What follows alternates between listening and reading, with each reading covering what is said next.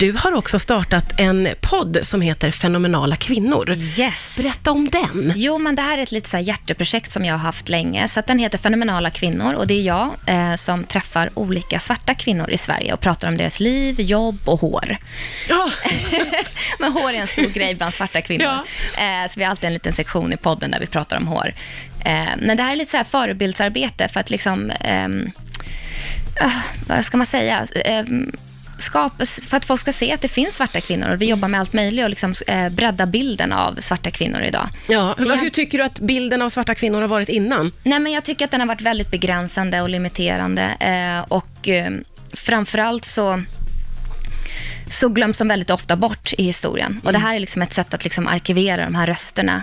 Eh, och också visa, antingen visa hypersynliga som liksom artister eller sångare eller idrottsstjärnor. Men det finns folk med andra jobb. typ av jobb. ja, verkligen. Så att jag försöker liksom träffa kvinnor i olika åldrar och med olika liksom bakgrund och eh, yrkes, yrken helt enkelt. Mm.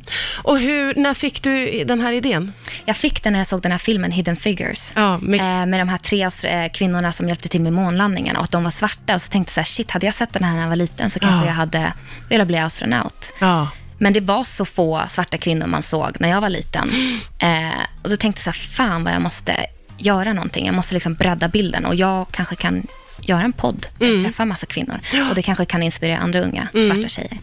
Ja, för det där är ju verkligen som du säger, det har ju alltid funnits svarta kvinnor som har Ja. gjort både det ena och det andra och Exakt. varit viktiga och betydelsefulla. Men vi har inte fått höra. Nej. Vi har inte fått höra talas om Nej. dem. Eh, och det kan man ju tycka med Hidden eh, Figures som jag tycker är fantastisk också. Att, Ja. Underbar.